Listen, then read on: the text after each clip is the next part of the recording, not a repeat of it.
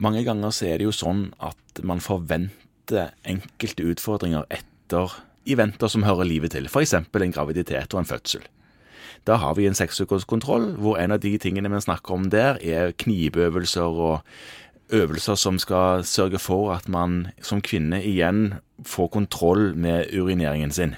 Ja, nå tenker du på risikoen for å utvikle stressinkontinens etter f.eks. et svangerskap. Ja, ja, det er akkurat Ja. det jeg tenker på. Ja. Men altså, der har du en del kvinner som går og gjør bekkenbunnsøvelser og styrer på. Eh, Men en del menn har òg problemer med stressinkontinens.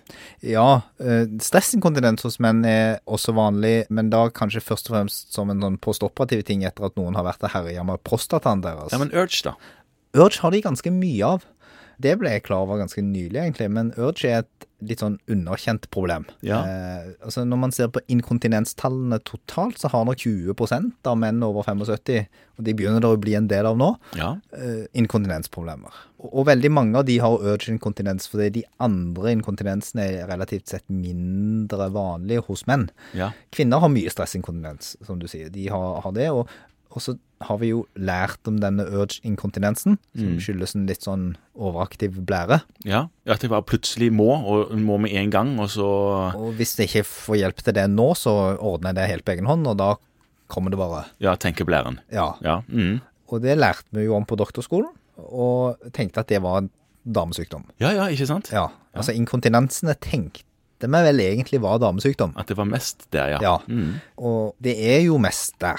Altså, det er nok eh, 50% flere kvinner enn menn som har dette problemet. Ja. Men det er fortsatt da altså en betydelig mengde menn, og glemmer ofte de i praksis, for vi tenker at urologiske plager hos menn, det er prostatisme.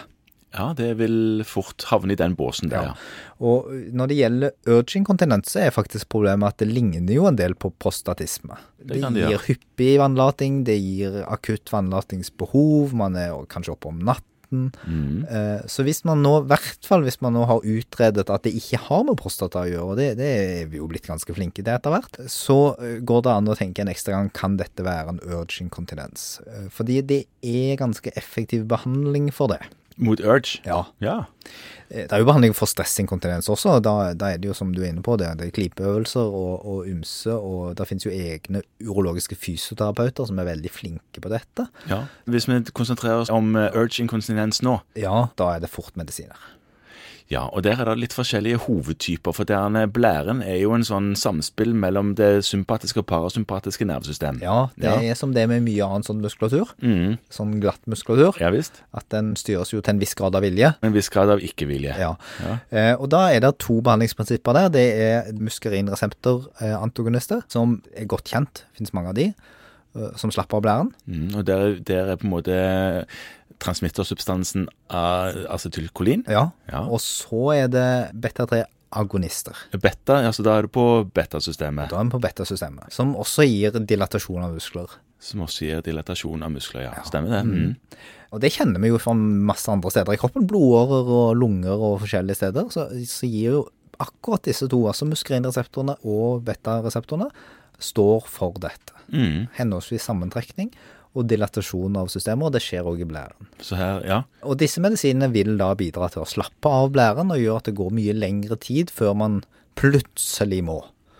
Så er det den lille ulempen med sånne acetylkolin, og det er jo det at når man blir dement, så er det et stoff man har Eller egentlig før, lenge før man blir dement, så er det et stoff man har stor nytte av oppi hjernen.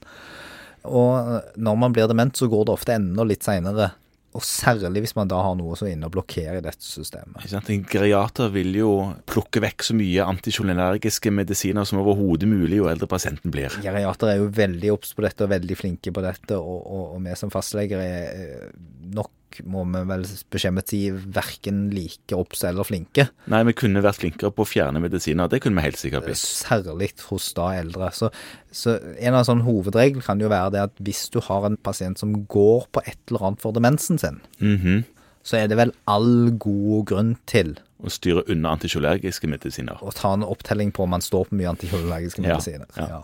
Der er det nok en del svin på skogen, så der kan man sikkert ta en liten, et lite opprydningsarbeid i forbindelse med legemiddelgjennomganger som man jo egentlig skal gjøre i ny og ne. En god grunn til å tenke at nå kan vi gjøre en 2LD, Ja. og vil anbefale det. Og så, så vil man få noen overraskelser. Forhåpentligvis ikke for mange. Nei, men dette gjaldt alt antisjonenergiske legemidler. Men du hadde en beta-reseptor-agonist Ja. En beta-3-reseptor? Ja, og beta-3-reseptoren finnes da i blæren, Ja. i motsetning til eh, beta-1 og beta-2-reseptorene som vi kjenner fra andre steder i kroppen, ikke sant? For henholdsvis blodårer og for lunger. Og selv om alle finnes jo litt overalt.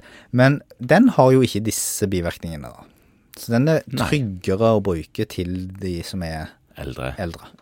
Ja, nettopp. Men altså, poenget her nå er at man har en del med urge inkontinens i sin praksis antagelig, som er menn som går rundt og tror at de har en eh, prostatabasert urinproblematikk, Ja. og som kanskje heller har en urge og vil ha effekt av disse medisinene. Kanskje har effekt av dette, og Ja. da er det iallfall verdt å prøve. Ja, Og så kan man jo da gjøre som alle fornuftige mennesker, også av og til leger gjør, nemlig slutte med ting som ikke virker. det er en god idé. Ja.